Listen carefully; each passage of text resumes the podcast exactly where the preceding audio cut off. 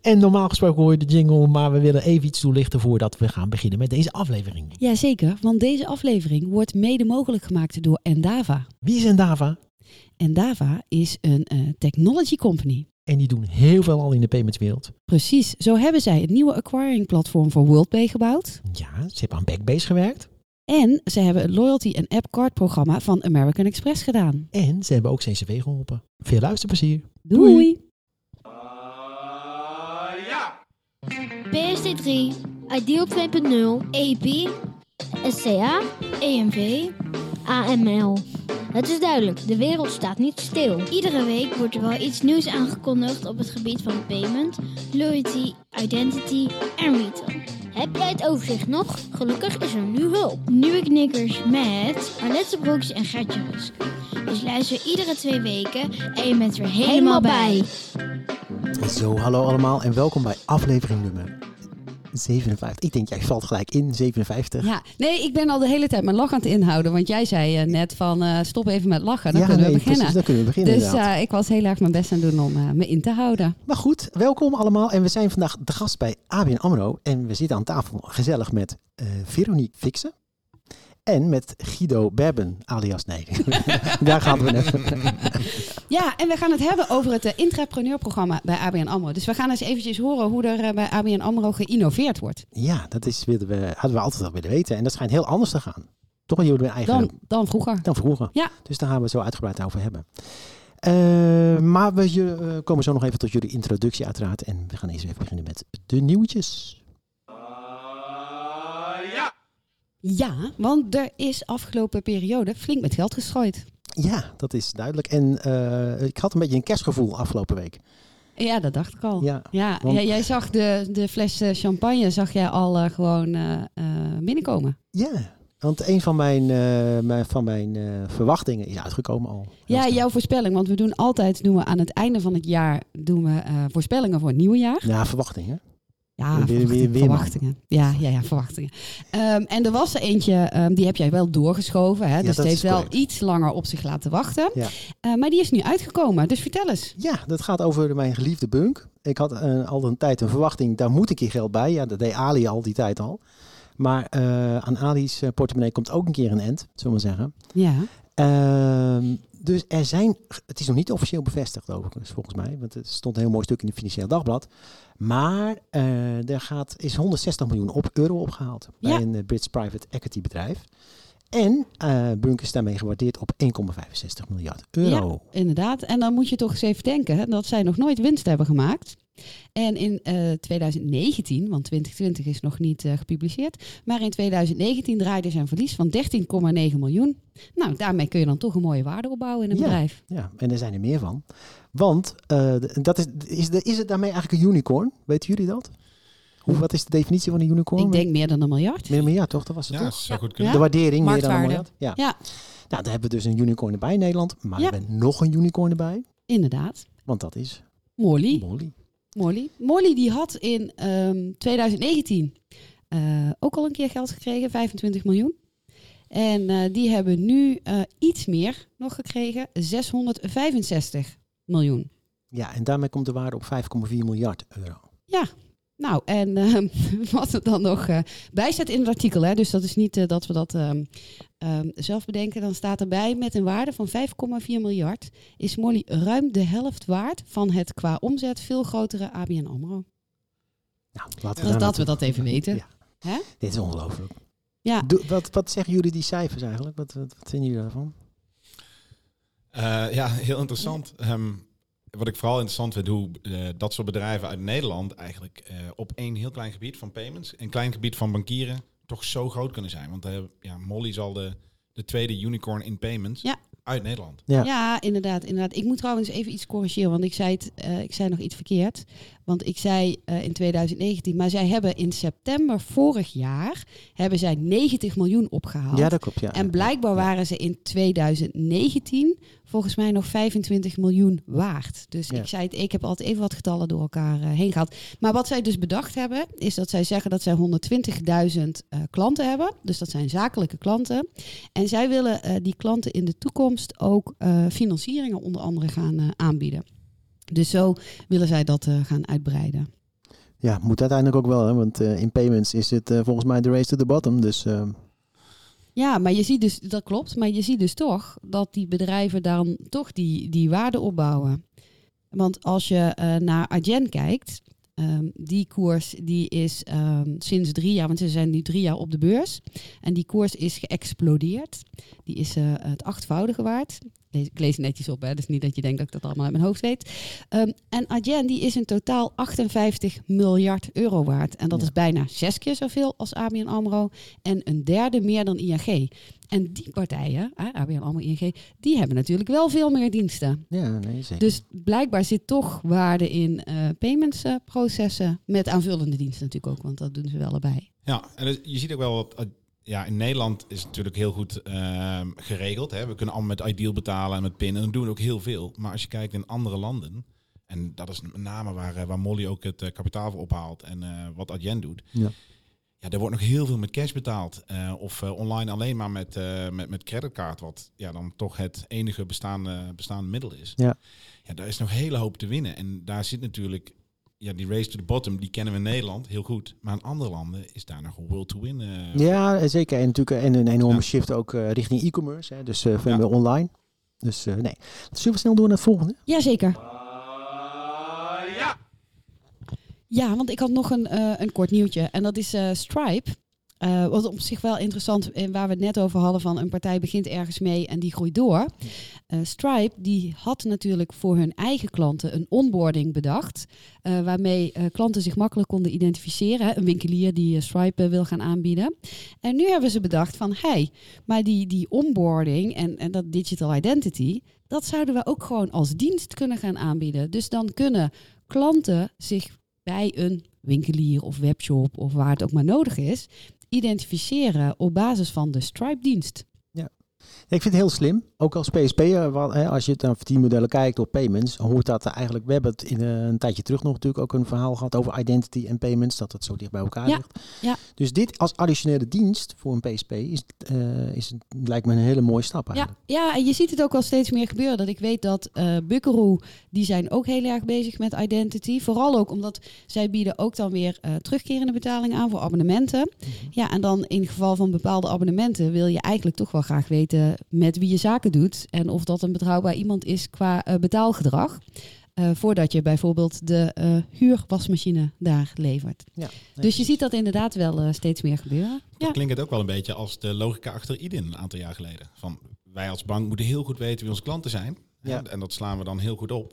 Ja, waarom maken we daar niet een product van? Om dus ja, voor het inloggen en het, eh, eh, het aanmelden, het identificeren van klanten, Ja. om dat te vergemakkelijken. Ja. Ja, inderdaad. Inderdaad, ja, dat is Ja. wel een, is een goede parallel. Ja. De volgende? Ja. Ja. Ja, die was weer van mij. Ja. Ja, ja. En dat, dat gaat over ehm, eh, betalen met een ring.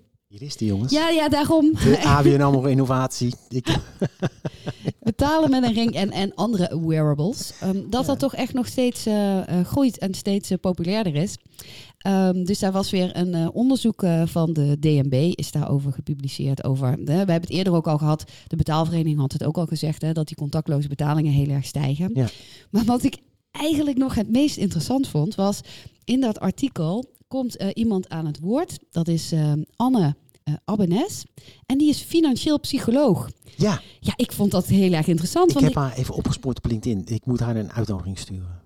Wat Ja. moet je die, die, die mevrouw een keer spreken? Ja, toch? Want ik dacht ook, zij ging het heel erg hebben over ehm, hoe eh, consumentengedrag dan verandert met betalen. Ik denk, nou, weet je, als je haar in je team hebt, als je een start-up begint, dat is gegarandeerd succes. Dus ik dacht echt van, ik dacht altijd dat we dat zelf moesten bedenken. Ja, Maar zie is gewoon iemand voor. aan de Ja, overkant. nou, ik ben heel erg benieuwd wat zij dan, wat haar logica is, of welke, wat, haar- wat haar redenering is dat het zoveel gebruikt wordt. Ik ken, ik ken namelijk wel van een aantal jaar geleden ook dat een psycholoog wat zei over eh, het gemak van betalen, Ja, dat, dat, ehm, dat daar ook ehm, wat drawbacks aan zitten. tuurlijk. Dat, ja. dat consumenten Ja. juist betaalpijn moeten voelen Mhm. om juist meer bewust te zijn van hoeveel geld zij uitgeven. Dus Nou, zal ik even vertellen wat zij vertelt? Want zij zegt, eh, ontwikkelingen die normaal twee jaar zouden duren, hebben nu in een paar maanden plaatsgevonden. En eh, dat klopt natuurlijk. Hè. Door corona is er natuurlijk heel veel eh, eh, rondom ehm, contactloos en digitalisering is sneller gegaan. Als er urgentie is, dan heeft de mens de gave om zich sneller aan te passen. Mensen die nu op contactloos betalen zijn overgestapt, zullen niet snel teruggaan naar betalingen met PIN. Dat is wat ze allemaal zegt. Mhm. En ehm, dan in datzelfde artikel eh, komt ook eh, onze goede bekende eh Berend Jan voorbij van de betaalvereniging. En die geeft ook zijn visie. En die verwijst dus eh, naar zijn moeder van 87. Die draagt ook die ring met een chip erin. En dat is gewoon heel handig, want dat ding doet het altijd. Ja. En die hoeft niet opgeladen te worden. Kun je mee onder de douche en dat soort zaken. Ja. Ehm, en dan heb ik nog als allerlaatste even ehm, over wat eh, eh, de psycholoog nog meer zegt. Ouderen bleken deze betaalvorm eigenlijk heel prettig te vinden. Contactloos betalen is veiliger, omdat bijvoorbeeld minder gelegenheid is om een pincode af te kijken. Dat kan een reden zijn waarom juist ouderen hiervoor openstaan. Mm, Ik vind dit een beetje, want deze, je, je kan eh, contactloos betalen, zeg je kan zeggen het is veiliger en het is minder veilig. Dus het ligt maar net welke argumenten je moet hebben, op welke kant je uit moet praten. Ik denk dat ook Ja. meespeelt dat die limiet verhoogd is naar 50 euro. Ja. Ja. Dikke jaar geleden. precies. Ja. Ja. Ja. Dat wordt ook wel hierin genoemd. En als laatste, want wat jij ook zei, dat klopt ook. Want zij zegt wel ook van eh, voor jongere generaties is contactloos betalen heeft wel een klein risico. En dat is dat het een drempelverlagend effect heeft. Het is makkelijker om geld uit te geven, want je voelt, dus aanhalingstekens, Ja. het niet. Dat zie ik allemaal Dus zo. dat zegt zij eh, ook wel. Die is dan 13, die heeft een bankrekening. En eh daar zie ik altijd, maar ik, ik, eh, papa is watching natuurlijk. Dus eh, bij elke besteding zie ik gelijk een, eh een krijg ik een push. Ja. Het doet altijd twee keer achter elkaar. En dan zie ik natuurlijk vendingmachine zie ik erbij staan. Dus dan Ja. vraag ik, waarom doe je twee keer eh, betalen? Ja, dat is voor mijn vriendje. Dat is heel lief natuurlijk van hem. Oh, ja, maar, ja. dus, maar het gemak waarmee het uitgegeven wordt, zeg maar. Ja. Dat, Ja. Ja, en daar heeft ehm, eh, de psycholoog ook een oplossing voor. En dan zegt ze van ehm, dat ze dan dat je meer inzicht zou moeten hebben in je financiën. Mhm. En als je met je telefoon betaalt, dat je dan een melding zou krijgen. Zo wordt de drempel voor geld uitgeven weer iets verhoogd. Dat weet ik niet of ik die mening deel. Maar goed, Ja, dan is het ook al gebeurd. inderdaad. En zo'n zo'n berichtje kun je natuurlijk ook heel makkelijk wegklikken. Ja. Ik had ooit wel eens bedacht, eh, eigenlijk zou je, dat was toen in de, met die budgetcoaches, dat je bijvoorbeeld zo'n ideal betaling bijvoorbeeld eh, via een of andere coach laat lopen. Dat je dan, eh, dat die budgetcoach zegt, ja Gert-Jan, dan ga je weer elektronica kopen, weer zo'n Apple gadget. Zou Ja. je dat nou wel doen? Ja, Zo. dat zou eigenlijk zou heel goed zijn. zijn. Maar, dan Ja. weet je het zeker, vraagt erbij. Ja, Zo maar dan niet, ja. dit, dit zou je van de bank kunnen doen. Hè? Dat je soort, ik kan me helemaal voorstellen, we kunnen hier nu ter plekke gewoon een eh, leuke dienst bedenken. Maar ik kan me heel goed voorstellen dat je bank bij wijze van spreken, die weet dat natuurlijk, want die weet ook wat je besteed hebt. Dus die zou je een soort, weet je het zeker, soort eh bank is, eh denk Nou, met je dat- mee. Dat zijn ook zeker wel gedachten die hier al, eh, al eerder zijn eh, gevormd. En waar wij op dat moment dan ook wel achter kwamen, is dat je dan ook een soort advies kunt geven. Hè? Ja. U heeft een contract afgesloten bij deze energieleverancier. maar gezien uw situatie en gezien uw gebruik, kunt u beter gebruik maken of adviseren wij X, Y, Z. Of ja, u heeft nu een spijkerbroek bij de Zara gekocht, maar in uwzelfde maat kunt u bij een andere winkel dit vinden. Ehm, de uitdaging daarbij is op dit moment dat eh, de gegevens in, eh, in de betaalrekening best wel sumier zijn. Als je bij Zara koopt, dan eh, staat er 100 euro, maar staat niet alle subdetails in. Dus als je dat kunt combineren en die, die data veel rijker kunt maken, maar dat weten jullie waarschijnlijk Ja, allemaal ja. ook. Ja, de Ja, zogenaamde je- lijnitems van de bon. Die wil je eigenlijk hebben. Ja, Ja. Nou, want dat is wel namelijk een mooi bruggetje naar mijn laatste nieuwtje. En dat ging erover dat ehm, eh, nu eh, een aantal banken, eh, sowieso Rabobank en ABN, hebben besloten dat geld opnemen uit een geldautomaat niet meer volledig gratis is. En ehm, dan zie je dat er mensen ehm, geïnterviewd worden. Dat is ook heel grappig, hè? want als je natuurlijk kijkt naar hoeveel mensen nog contant betalen en hoeveel mensen eh, digitaal met, met wat voor eh, een telefoon of een pasje of een ring of whatever, ehm, dan is die groep die dat digitaal doet veel groter dan de groep die het contant doet. Eh, maar goed, dan is zo'n eh, item even op eh, tv en dan komen er alleen maar mensen aan bod die wel nog met cash betalen. Mhm. En de grote zorg van Nibud is dan natuurlijk dat ze zeggen van ja, maar er is een bepaalde groep die gebruikt cash gewoon eigenlijk als financieel management. Want als het op is wat in mijn portemonnee zit, dan heb ik gewoon geen geld meer. En daar zie je natuurlijk dat er nog steeds wel een gat is. Hoe ga je dat nou op een goede digitale manier eh, invullen. We hebben een keer gesproken met Buddy. Ja, Maar vorige week hebben we het over de digitale euro gehad. Dat is natuurlijk hetzelfde. Ja, inderdaad. Dus daar denk ik dat wel nog eh, een, eh, een, een goede potentiële nieuwe ehm, eh, venture in zit. Dus dat is eigenlijk wat ik wilde zeggen. Van jij begon met, hey, we komen hier nou met een idee aan tafel.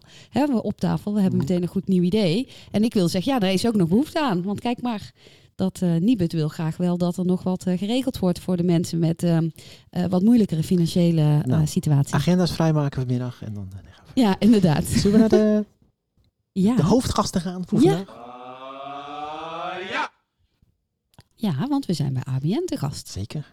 En ehm, voordat we de inhoud induiken, laten we eerst eens even kijken bij wie we zitten. Veronique, ehm, ik heb gelezen op LinkedIn dat jij dus eh, de programmamanager bent voor het intrapreneurprogramma. En ik ben eh, heel benieuwd hoe jij hier dan zo terecht bent gekomen. Ja. Ehm, nou, ik ben eh 13 jaar geleden begonnen bij ABN AMRO Bank. Ik heb economie gestudeerd, ontwikkelingseconomie. Ehm, en ik dacht, nou, bij de bank kan ik het verschil maken. en nou, dat, dat is ook zo, dat ervaar ik ook zo. De eerste jaren als accountmanager aan de zakelijke kant. Eh, en toen heb ik meegedaan met een aantal, nou, vooral met één wedstrijd. Het beste idee van ABN AMRO Bank. Die challenge heb ik destijds gewonnen. Dat was een leenplatform. En zo kwam ik in aanraking met Lean Startup technologie. Uh, ik was er helemaal verliefd op. Ik hield van netwerken, klanten praten en dergelijke. En um, met die Lean Startup methodologie kwam ik erachter dat je ook hele andere gesprekken kunt hebben met klanten om een onderliggende behoefte of een, een need te vinden. En um, zo ben ik overgestapt naar innovatie, meerdere projecten gedaan. En na een paar jaar vroeg ze aan mij, wil jij het intrapreneurprogramma leiden? En nou ja, dat is het vinden van mensen vergelijkbaar uh, zoals ik was die in de bank werken en die in innovatie hun kennis en expertise willen delen en, uh, en een nieuwe start-up of venture, zoals wij dat noemen, mm -hmm. willen gaan bouwen. Ja, en, en toen kwam je uh, Guido tegen, die ja. wij nog kennen ja. als Mr. Tikkie. Ja, ik denk heel veel mensen kennen jou denk ik wel als Mr. Tikkie. Maar hoe ben hmm. jij dan zo uh, intrapreneur geworden hier? Ja. Um, of deed je gewoon maar wat? Um, nou, zo zou je het misschien wel kunnen zeggen. Ja. Nee, um, de naam Mr. Tikkie is natuurlijk vaak uh, voorbij gekomen. Um, natuurlijk uh, met een hele hoop collega's. Um, als je kijkt naar, ik denk 2016, toen Tikkie, ja, vijf jaar geleden eigenlijk, toen Tikkie geïntroduceerd werd. Toen zijn we heel snel daarna gaan kijken. Niet zozeer vanuit een innovatieachtergrond of vanuit een bepaalde lean startup methodiek, maar meer vanuit de, de kennis als, als betalingskeer-expert. ja, wat kunnen we doen met dit product om het ook aan zakelijke klanten aan te bieden? En dan zou je kunnen zeggen, je doet maar wat. Dus wel met hulp van collega's. Maar zijn we uh, met klanten gaan praten, dat Mhm. opschrijven. Wat zijn inderdaad, waar zitten de kansen? Maar ik miste wel, ik had wel het idee van, dit is, dit is logisch wat we doen. Hè, dit, is, dit is intuïtie, maar Mhm. wat zit daar dan achter? Ja. Dus na een aantal jaar bij Tikkie hebben gewerkt en ook op, uh, verder op de payments afdeling van ABN AMRO dan ook nog verder um, um, projecten heb gedraaid, dacht ik, ja, ik, het trekt me wel. Dus ik wil wel heel graag en vooral met de nieuwe methodiek van, uh, van ABN AMRO in een uh, innovatiecentrum wilde ik ook heel graag hier gaan kijken van, ja, zit daar nog een, welke theoretische onderbouwing, basis, welke, welke methodieken, technieken zitten daar aan de grondslag? Mm-hmm. Om dat misschien wel efficiënter, beter, minder, met meer zekerheden toch te innoveren, nieuwe producten aan te bieden. Ja. Want wordt, wordt inderdaad die, die technieken of dat proces, dat, wordt dat ook iteratief verbeterd? Je bedoelt, um, innoveren wij op innovatie? Ja, ja. Ja, ja. ja. ja zeker. Ja, ja? absoluut. Nou, vertel, vertel. um, wat, wat, ik ben dan heel benieuwd, hoe meet je dat dan? En hoe, waarom, wat, wat, wat tweet je dan aan het proces? Ja, um, nou, we hebben inderdaad een, een uh, in onze evolutie eh, om corporate innovatie op te zetten binnen ABN AMRO Bank, uh, hebben we dus nu een afdeling opgezet waarbij we innoveren voor de hele bank. Dus Mhm. daar zetten we intrapreneurs, oftewel de bankiers, mensen met financiële kennis, samen met developers, technisch developers en um, ja, oud-ondernemers of, of designers. Dus juist die, die mix van disciplines zetten we daarin bij elkaar. En we hebben inderdaad ook een, een, een methodologie ontwikkeld, uh, een aanpak, de DARE-aanpak. Um, en ja, dat is twee jaar geleden neergezet op, uh, op, op proven methodologies en technologieën, zoals Lean Startup, Design Thinking, uh, portfolio investment theorieën. Ehm, maar voor ABN AMRO en zoals we het nu hier hebben ingericht, is het inderdaad, eh, was het een model.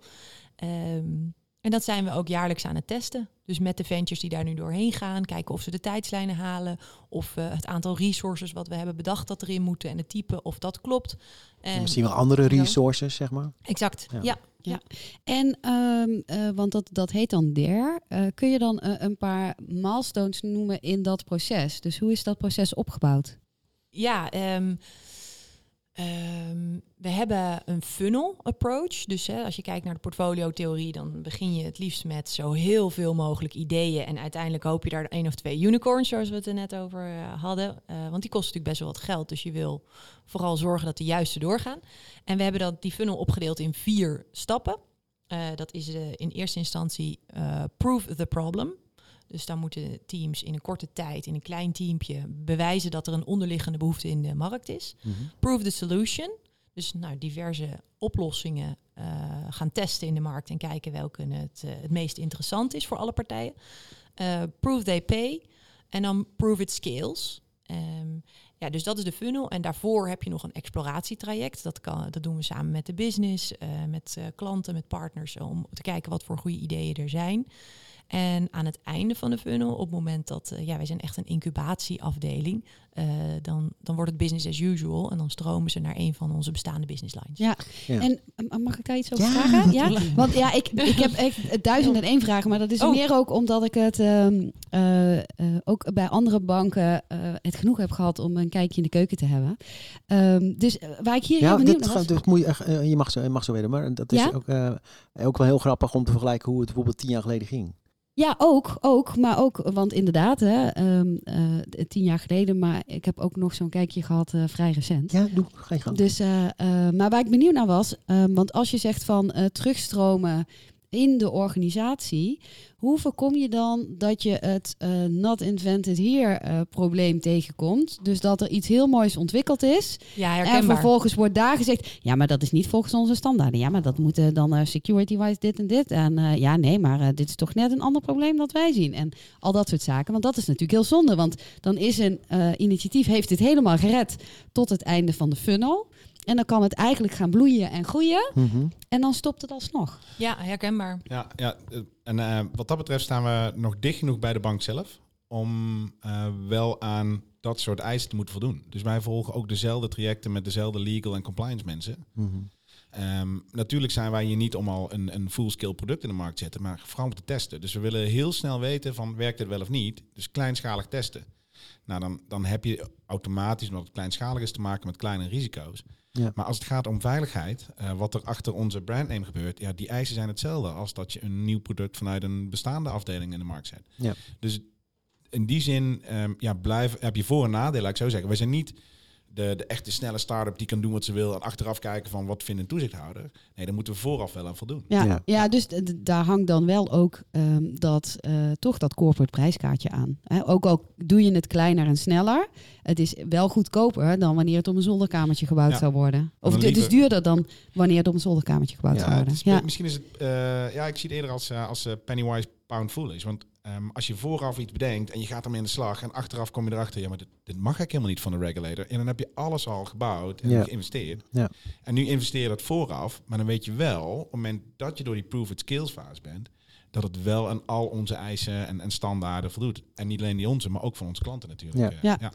Maar- en, we- en daaraan toegevoegd hebben we ook eh, met elkaar een, eh, een theme board en een investment board. Dus dat is onze EXCO, onze executive committee. Die komt ook maandelijks bijeen om te kijken naar de portefeuille en waar gaat het landen. En die zijn ook zeer betrokken bij eh, ja, een goede, goed vervolg. Ja, Nou, ik kan me dus heel goed voorstellen dat innoveren voor een bank dan weer een beetje leuk wordt. Ik, ik, ik, ik, ja, in de tijd dat ik bij een grote bank werkte en aan innovatie bezig was, toen de, ik vroeg aan jou, doe je maar wat. Maar wij deden gewoon maar wat. Hè? Dus eh, in, de, in de zin van, eh, je, je kreeg een bepaalde creatieve vrijheid.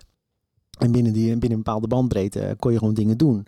En daardoor ging het, was het ook voor mij een heel natuurlijk proces, zeg maar. Maar die liet dan wel op een gegeven moment tegen grenzen aan. Want heel veel mensen, ja, die liepen 100 meter achter je aan. En je geen idee, geen idee wat je aan het doen was.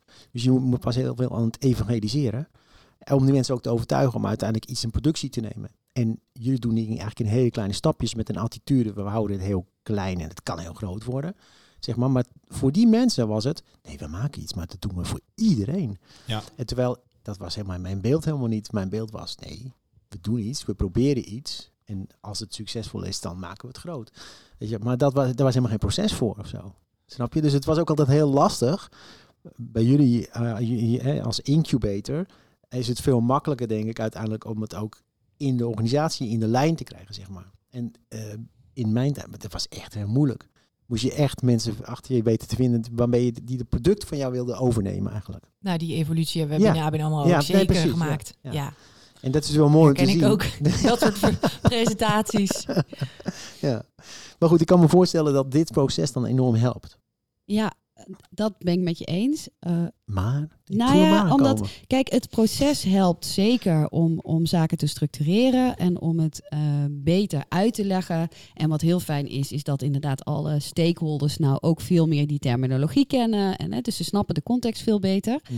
Eh, maar ik geloof nog altijd dat echt innovatie toch ehm, eh, dat vingerspitsengevoel is. Dus Het- daar zit toch... Serendipity. Ja, maar dus kijk, hè, dus, dus wat waar Guido zei van ik deed maar wat en waar jij zei het, het ging heel natuurlijk. Oh, dat eh, Uit- was eh, met de mond gelegd. Hè? Ik Ja, ja, ja. Nee, dat was een grapje. hè? Ja, nee, ja, ja, ja. Maar, maar dat uiteindelijk denk ik dat je ehm, eh, succes niet eh, helemaal in een proces kan vatten. Nee, Zo van, ik- nou ja, als je ik- het processtappen volgt, heb je Ja, automatisch eens. succes. Er hoorden ook bepaalde mensen bij. Nu, die- natuurlijk heb je een onderbuikgevoel, dat denk ik zeker wel. Want anders begin je er niet aan, anders heb je dat idee niet. Je hebt een lumineus idee, denk Nou, ik, ik denk dat heel veel factoren op het juiste moment bij elkaar moeten komen om een succesvolle Precies, ja. of een, een succesvol project te hebben. ja, Eh, maar wat je wel kan doen, is de omgeving zoveel mogelijk faciliteren. Zoveel Ja. mogelijk onzekerheden wegnemen, zo gezegd. Ja. Ja. En daar wordt het al, daar, ja, daarmee zet je al een, een grote stap voorwaarts om het, eh, nou hier in het, eh, in het eh, innovatiecentrum, maar ook in de hele bank te faciliteren. maar, maar dat Ja, is denk ik al wat jullie doen met eh, like-minded people, maar wel met, met verschillende discipline, disciplines hè, als achtergrond. Dat je eigenlijk een, een, een- volgens mij een veel rijker proces hebt dan dat je bij wijze van spreken in een innovatietechnisch clubje ergens eh, in Ja, de krochten zeker, krochten van de zeker. bank Ja, iets aan het bedenken ja. bent. Want ik- waar ja. vinden jullie die mensen? Ja. Hoe- waar vinden jullie de intrapreneurs? ga, jij, ga jij met een eh, bus, eh, Veronique, door het land en Ja. dan roep je wie wil er meedoen? Ja. Kom, kom bij mij. Ja, en dan rennen ze achter die bus aan hoor. Ja. Nou, maar er wordt wel vaak gedacht, ehm, eh, zeker vind ik, door mensen die niet in innovatie zitten, oh, maar jullie doen alleen maar leuke dingen. Maar innovatie is ook natuurlijk eh, ehm, eh, drempel, hè, hordes eh, overwinnen. En het is niet altijd leuk. Ik zeg altijd tegen mijn team, eh, als we ergens mee bezig zijn, van, als het makkelijk was, deed iedereen het. Hè, ja, Oh, dus het moet af en toe een beetje pijn doen Ja, ja. Om, om verder te komen. En, Ja, mijn, mijn persoonlijke ervaring is dat in innovatie je ook heel veel van jezelf meeneemt. Eh, ik, ik denk dat eh, out of the comfort zone voor ons een hele bekende term is. Als je in innovatie werkt, dan moet je wat vaker uit je comfortzone. Je weet de toekomst niet. En dat, ja, dat, dat doet iets met je als persoon. Ik had het idee dat ik meer mijn persoonlijke ja, emoties erin in kwijt kon. En dat het daarom dus ook veel intenser is. Ja. Dat was mijn persoonlijke ja, ja, ik denk ook, ik denk echt wel dat je, je legt een stukje van jezelf in. Ja, ja, Ja. veel meer dan ja, een, een Nou ja, wat, ik Ja. zelf, wat ik zelf ook heel erg merk is je persoonlijke voorkeuren, die worden uitvergroot. Ehm, en wat we Ja. net al zeiden, hè, je begint eigenlijk met een grote mate van onzekerheid. En naarmate je door die funnel gaat, moet die onzekerheid steeds kleiner worden. Mhm. Ehm, een van, wat ik zelf eigenlijk al wist, maar ik ben heel oplossingsgericht. Dus ik denk, oh, probleem? Nou, oplossing. Gaan we Ja. maar doen. Ja. Heel makkelijk. Hè, en dan is het, oh, er zijn twee oplossingen. Mm, die kant op. Ook vrij intuïtief. Ja. Ja. En ehm, hier begin je dan in een proof eh, problem fase met heel veel onzekerheden.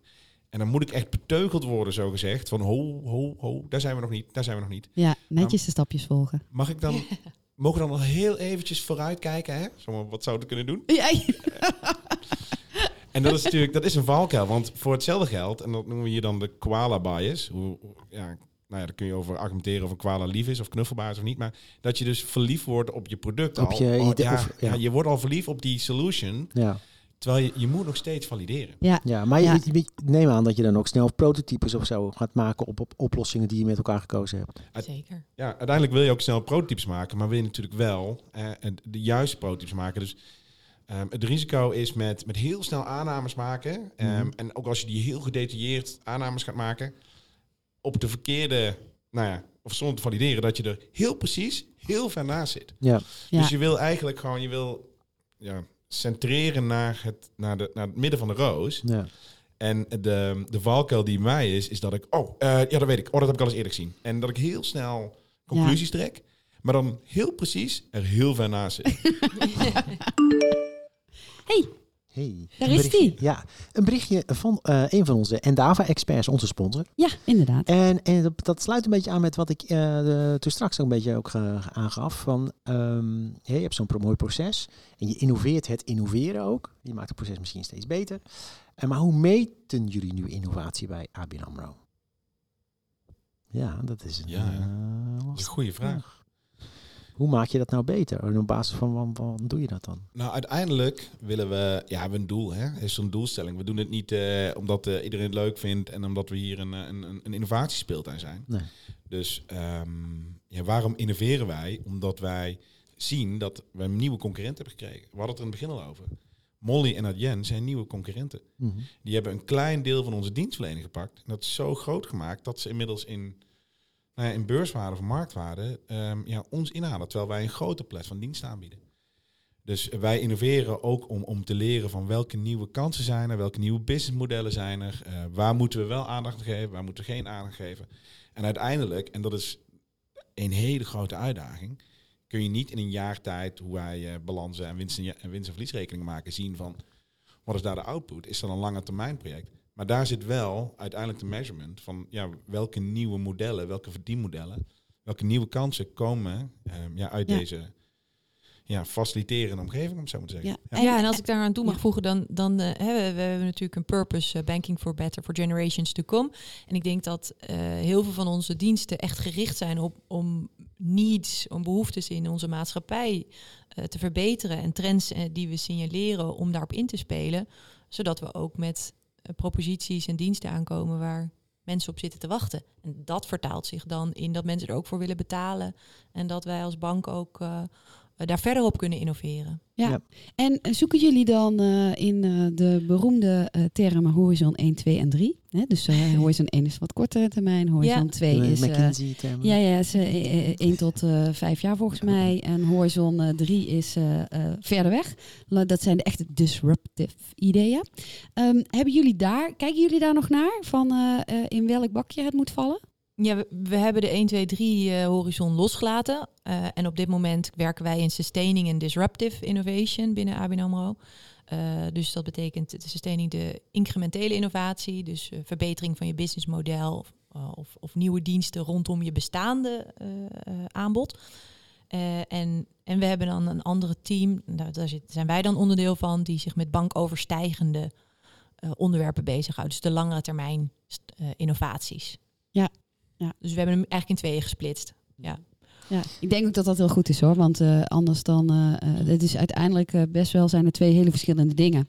Hè, als je zegt van nou, we gaan eh, de huidige dienstverlening verbeteren.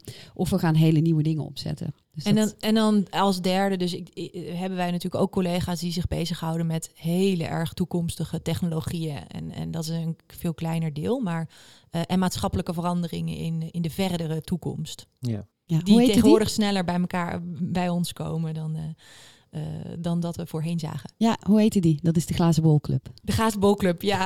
nou ja, we hebben natuurlijk een economisch bureau die, eh, die daar eh, ook heel veel publiceert, maar die ook met verdere onderwerpen bezig zijn bijvoorbeeld. En we hebben ook binnen onze technologieafdeling een aantal mensen die heel diep in bijvoorbeeld quantum computing zitten. Oh ja.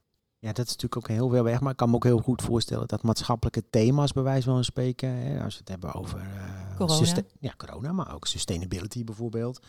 Jullie hebben al- al heel veel, heel veel groen in, eh, in jullie eh, logo zitten natuurlijk, maar Oh, ik dacht hier op de muur. Ja, we zit de kamer met met mos. kamer met mos. Ja. Ja. nee. Maar ik kan me ook voorstellen dat, dat, dat is, zich dat weer vertaalt naar je producten bijvoorbeeld. En eh, dat je daar ook iets eh, wil uitstralen als bank. Ja, absoluut. Ja, en, en, eh, als je kijkt van, eh, wij werken hier met een aantal thema's. Dus eh, nieuwe ventures zitten binnen die thema's. En een van die thema's is ook ja, gecentreerd rondom sustainability. Eh, maar in feite zal, moet elke venture wel voor zichzelf kunnen beargumenteren, zijn wij, zijn wij sustainable? Hè, Het is, het is een, het is een non-negotiable to start with. Hey, en dan een, een gewetensvraag. Ehm, wat nou als iemand komt met een briljant idee en dat past niet in die thema's? Mag die dan wel door of niet door? Ja, dat is een leuk, Ja. eh, leuk gesprek wat wij... Wij geven ook altijd trainingen. En dat is inderdaad ook een, een vraag die wij in die training dan eh, ook stellen, inderdaad. En het ligt natuurlijk een beetje aan hoe ver ligt die out of our strategy. Ehm, nou ja, we zitten hier niet om te innoveren om, om, om unicorns te bouwen die niks met banking te maken hebben, om die dan te verkopen. Dus Nee. de fit to strategy is wel echt wel degelijk heel erg belangrijk voor ons. Ja, en de thema's zijn vrij breed. Dus wat we ook zien is dat er vaak overlap is. En dan ehm, eh, dat er ook veel samenwerking tussen de verschillende thema's zit. Eh, ehm, nou ja, van ook onderzoeken die, die het ene, ene groepje heeft gedaan, dat het andere die weer kan hergebruiken. Nou ja, en weet je dat ik vind dat sowieso altijd met een eh, eh, model. Ik had daar ooit een keer een discussie over. Had iemand een model gemaakt en dan zei ik ja, maar dit klopt niet helemaal. En die zei toen, dat waren wijze woorden, die eh, herhaal ik dan altijd graag. Hè. Een model is een vereenvoudigde weergave van de werkelijkheid. Dat was zeker een econoom.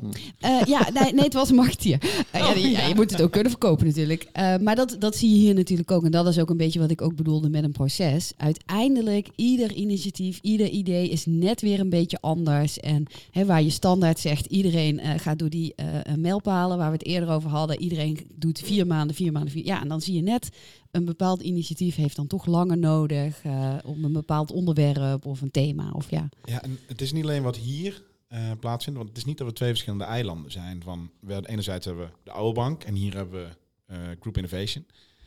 Heel veel is ook al ehm, bedacht of bedacht, is al eens een keer naar gekeken of is al eens een keer onderzoek naar gedaan in de afdelingen zelf. Ja. Dus ehm, juist ook met mensen van de bank zelf, zoals ik als entrepreneur, probeer ook veel meer die verbinding met de bank zelf te zoeken. Om daar alle kennis en, en informatie en onderzoeken op te halen. En waarom heeft het toen wel of niet gewerkt? En kunnen Ja. we daarvan leren? Ehm, Hey, en over die entrepreneur gesproken, ja, nee, Ja. dit- de- even nog één heel mooi vraagje daarop. Kan iedereen entrepreneur worden? ja, dat is een hele goede vraag. Ja. Ja, ja zeker. Ja? Eh, eh, Guido is overigens een van onze eerste intrapreneurs. Dus dat, eh, daar ben ik heel trots op. posterboy. Ehm, en nou ja, zoals jullie weten brengt Guido bijvoorbeeld een, eh, een bak aan expertise mee over de payments. Maar we hebben zo ook eh, bankiers die vanuit de lending ehm, en dat meer eh, private banking kennis. Dus dat zijn denk ik de eerste dingen waar iedereen aan denkt. Maar we hebben ook iemand van audit, we hebben ook iemand van compliance, we hebben ook intrapreneurs van IT-afdelingen. Dus ja. die, we hebben er nu 34 en daar ben ik ontzettend blij mee en trots op. Want ze komen ook van alle verschillende onderdelen van de bank. En eh, dat is eigenlijk meer, nou we hadden het hiervoor voor over. Dat is eigenlijk een beetje de intangible kracht van het programma. Dat het niet alleen die developers, creatievelingen en bankiers bij elkaar brengt. Maar dat die bankiers eigenlijk ook allemaal heel erg verschillend zijn. Ehm, en dat dat het innovatiekracht van ons eh, heel erg versterkt als bank. Ehm, omdat mensen elkaar sneller weten te vinden. ja, ik ga er toch iets tegen inbrengen, want Oh, ja. Dat Nou kan ja, ik bedoel, ik, iedereen kan het worden. Ja, natuurlijk kan, het, kan, je- dan kan iedereen het worden, maar het moet ook wel in je zitten. helemaal eens. Ja, we hebben ja. En ik, ik heb ook een periode meegemaakt dat eh, iedereen moest innovatief en hip zijn. Iedereen, Ja, niet iedereen ja. is hip en Want- innovatief. En we, ja, een bank heeft eh, altijd heel veel blauw. Ja. En het is ook maar heel goed dat er heel veel blauw is. En die mensen heb je ook nodig. Soms ook in het innovatieproces heb je juist die mensen nodig. hè. We hadden het straks even over wetgeving. Dan zou ik heel graag een heel goed blauw iemand in het team even erbij willen hebben. Maar, nee, maar ik, ik, Ja. ja. nee, laat me dan inderdaad daar nog op nuanceren, want iedereen kan het worden, maar we hebben natuurlijk wel criteria, de- dus se- selectiecriteria. Je moet ook echt aanmelden voor dit programma. Mhm. En um, want wij gaan ook echt in je investeren. Hè. We, vragen je natuurlijk fulltime om te werken voor een venture, maar daarnaast leiden we je ook op in bepaalde onderwerpen, zoals de DER-methodologie, eh, welke technologieën gebruik je. En er zijn een aantal aspecten die wij heel belangrijk vinden. Viertal aspecten. Eén is de expertise die je meeneemt. Dat, ja, dat je ook echt wat komt brengen eh, en de venture verder helpt. Uh, twee is de entrepreneurial mindset. Dat je echt ondernemend risico's weet in te schatten, opportunities pakt. De, de derde is een teamplayer. We hebben een multidisciplinaire afdeling. Um, maar ook multicultureel. En hoe werk je nou samen in zo'n teamverband? Kleine teampjes. Uh, en het vierde is um, een learning mindset, een growth mindset. Dat je het leuk vindt om te leren, te valideren en, en te pivoten of te invalideren. Ja. Um, en die, die concepten kunnen misschien wel nieuw voor je zijn. Maar het gaat er ons op in een gesprek dat je daar open voor staat. En dat je al wel dingen laat zien dat je in je eigen leven zo bent. Ja. En er is gedurende het programma, het is niet alleen dat dat, uh, zeg maar, controle aan de poort, van hier checken we dat één keer.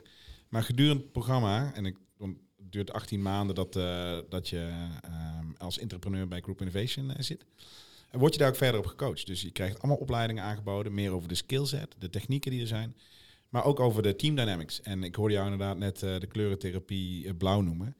En inderdaad, zo, zo zijn er ook dus ehm, ehm, ja, trainingen met je hele team. Van Ja. hoe werk je samen? Ehm, welke voorkeurstijl heeft, eh hebben je teamgenoten? En Mhm. hoe ga je daar het best mee om? Nou ja, en in welke fase zit je en welke ehm, kwaliteiten zijn er nodig in die fase? Want Ja. ehm, dat is, kijk, bij, bij een start-up is dat wat lastiger, want dan heb je, begin je met je founders en dan ehm, loop je samen, loop je dat pad. Maar binnen een corporate moet je misschien juist wel zeggen, wij hebben de mogelijkheid om eh, in bepaalde fases bepaalde mensen een belangrijke rol te laten spelen die juist in die fase heel goed zijn. Ja, nee, zeker. Want iemand die mega creatief is aan het begin, die is vaak minder goed in ehm, eh, op de winkel passen als die eenmaal open is. Nee, zeker. Hey, Daar komt een eh, tweede berichtje binnen van onze Endava-expert. ja. En dat is weer een hele mooie vraag. En de vraag luidt, hoe zouden bedrijven hun innovatie-journey moeten starten? Dus jullie mogen nu even in de rol. Hebben jullie tips? Nou, starten. Ik denk dat dat al een hele goede is. Ja. dat is namelijk de, de, de, de grootste reden dat er, eh, dat er niks gebeurd is. Omdat er niet gestart wordt. Ja, ja. Maar denk je dan ook wel ehm, starten dus ook met zo'n eh, proces neerzetten, zo'n funnel?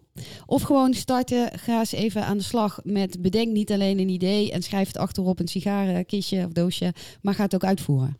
Nou, eh, ehm, ik heb er wel eens geroepen van, als je nooit start, dan leer je ook niks. Mhm. Dus ik denk dat je, en je, gaat, je begint nooit met het beste idee. Ehm, dat leer je, dat is natuurlijk de hele grap van het proces, dat leer je door alle feedback op te halen, door te testen, door het mee terug te nemen, die continuous loop. Dus je moet starten. En nou, ik denk dat de meningen daar wel verschillend over zijn, maar mijn mening is, ja, je, je kan gewoon ergens beginnen.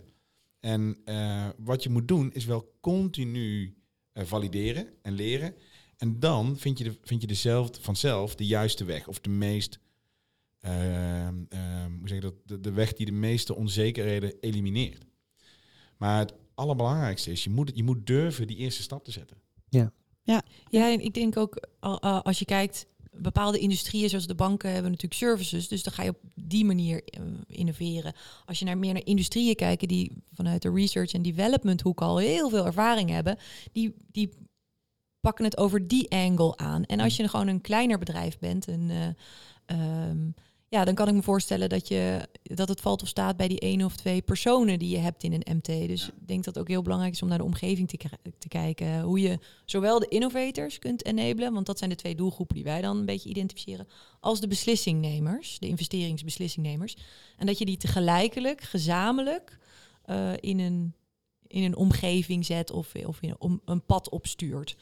En dat er wel ook focus is. Hè? Dat is een van de grootste valkuilen Ja. als je bezig bent, dat je je focus verliest. En dat ken ik heel erg. Dan denk ik, oh, eh, daar een kans, daar een kans. Dat je heel erg bezig bent met die korte termijn. Ja. Ik begin wat sneller Ja, te praten. Maar dat heeft, ook, dat heeft ook, denk ik, te maken met ervaring. Want kijk, als je op een gegeven moment geprobeerd hebt om tien verschillende ballen in de lucht te houden. en je zag, ja, maar nu kan ik er geen één echt heel goed hoog houden. Ja. Eh, dan ehm, helpt dat je om de volgende keer keuzes te maken. En te denken, ja, maar kan beter twee ballen in de lucht houden. en dat dan goed doen.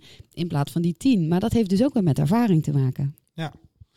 Ja, en ik kan me ook nog herinneren van ehm, toen ik eh, vroeger begon bij de bank. Van, je mag 10% van je tijd besteden aan innovatie.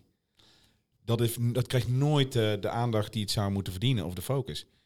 In, in theorie ben je dan 10% van je onderneming ben je aan het outsourcen innovatie, maar die komt er nooit uit. Nee, Dus je moet daar ook echt wel, eh, je, je moet daar eh, commitment hebben hè, van, eh, door de hele organisatie.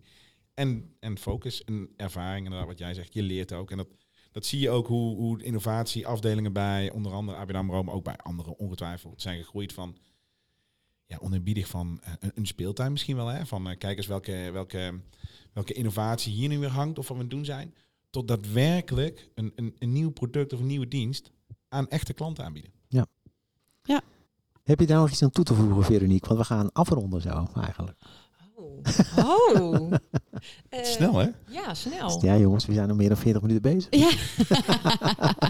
Ehm, Nou, ik, het is misschien nog wel leuk om even te, te, te highlighten, om, of om aan te geven dat intrapreneurs, wat die dan aan het einde van die 18 maanden, wat ze dan meemaken, wat ze dan teruggeven. Want we hebben nu de eerste intrapreneurs die weer terug zijn naar, in de business. Oké. Ehm, en eh, wat ik van een van hen hoorde is, ja, ik heb nu een, een job, een uitdaging die ik eerder niet had eh, gekregen. Dus ik ben echt ontzettend blij en eh, dat ik mijn lange bankervaring en kennis en expertise nu op een andere manier kan inzetten. En ehm, ja, dus ik zie wel dat het niet alleen voor innovatie op de korte termijn, maar ook op de lange termijn heel veel mensen opleidt en verbreedt, eh, eh, verdiept in het innovatievak, maar dat we daarmee onze kennis ook op andere manieren gaan inzetten en dat dat een heel erg duurzame investering is voor ons als bank. Ja. Ja. want daarmee zijn jullie dus eigenlijk ook een soort van eh, cultuurveranderingsprogramma voor de bank. Ja, ook Ja, een soort talentenprogramma of zo. Ja, ja maar dan, dan moet je dan wel weer talent zijn voordat je met hen mee mag doen. Ja. Maar je mag niet zeggen hè, van, en nu gaan we de cultuur veranderen. Nee, dat is natuurlijk, nee, natuurlijk niet. Nee. Nee, maar je ziet wel dat het een olievlek is die, eh, ja, en daarom ben ik wel ontzettend trots op het programma, want ehm, ja, eh, het één is natuurlijk de, de ventures die we aan het ontwikkelen zijn, maar twee is ook de mensen die we aan het ontwikkelen zijn en de organisatie die we op deze manier transformeren. En, Precies. eh, daar ben ik heel blij mee. Ik vond het super leerzaam. Ja, en ik ben heel benieuwd eh, welke pareltjes we allemaal eh, gaan eh, zien eh, de komende tijd. Hè? Die het licht gaan zien. Precies. Misschien een nieuwe ring. Nee. Hey, Veronique en Guido. Dan hangt daar een ideeënbus als je nog een goed idee hebt. Oh ja, ja, ja. ja. Kan ik? Ja, ja, nee, daarvoor kun je ons dan inhuren. Hè? Dus we moeten ook een beetje aan onszelf denken. Ah, ja. Hey, hartelijk dank voor het luisteren. En eh, wij zijn snel weer terug met eh, aflevering 58. Ja, zeker. En wil jij nou updates krijgen dat er een nieuwe aflevering live staat? Dan moet je je even abonneren in eh, de verschillende podcast-apps. Of je gaat naar vriend van de show slash nieuwe knikkers. Ja, En dan kun je daar abonneren. En dan krijg je gewoon automatisch een berichtje van ons dat we er weer zijn. heel goed. Dank. Muziek is afgelopen. Ja, dit is, lijm ik er wel bij. Doei.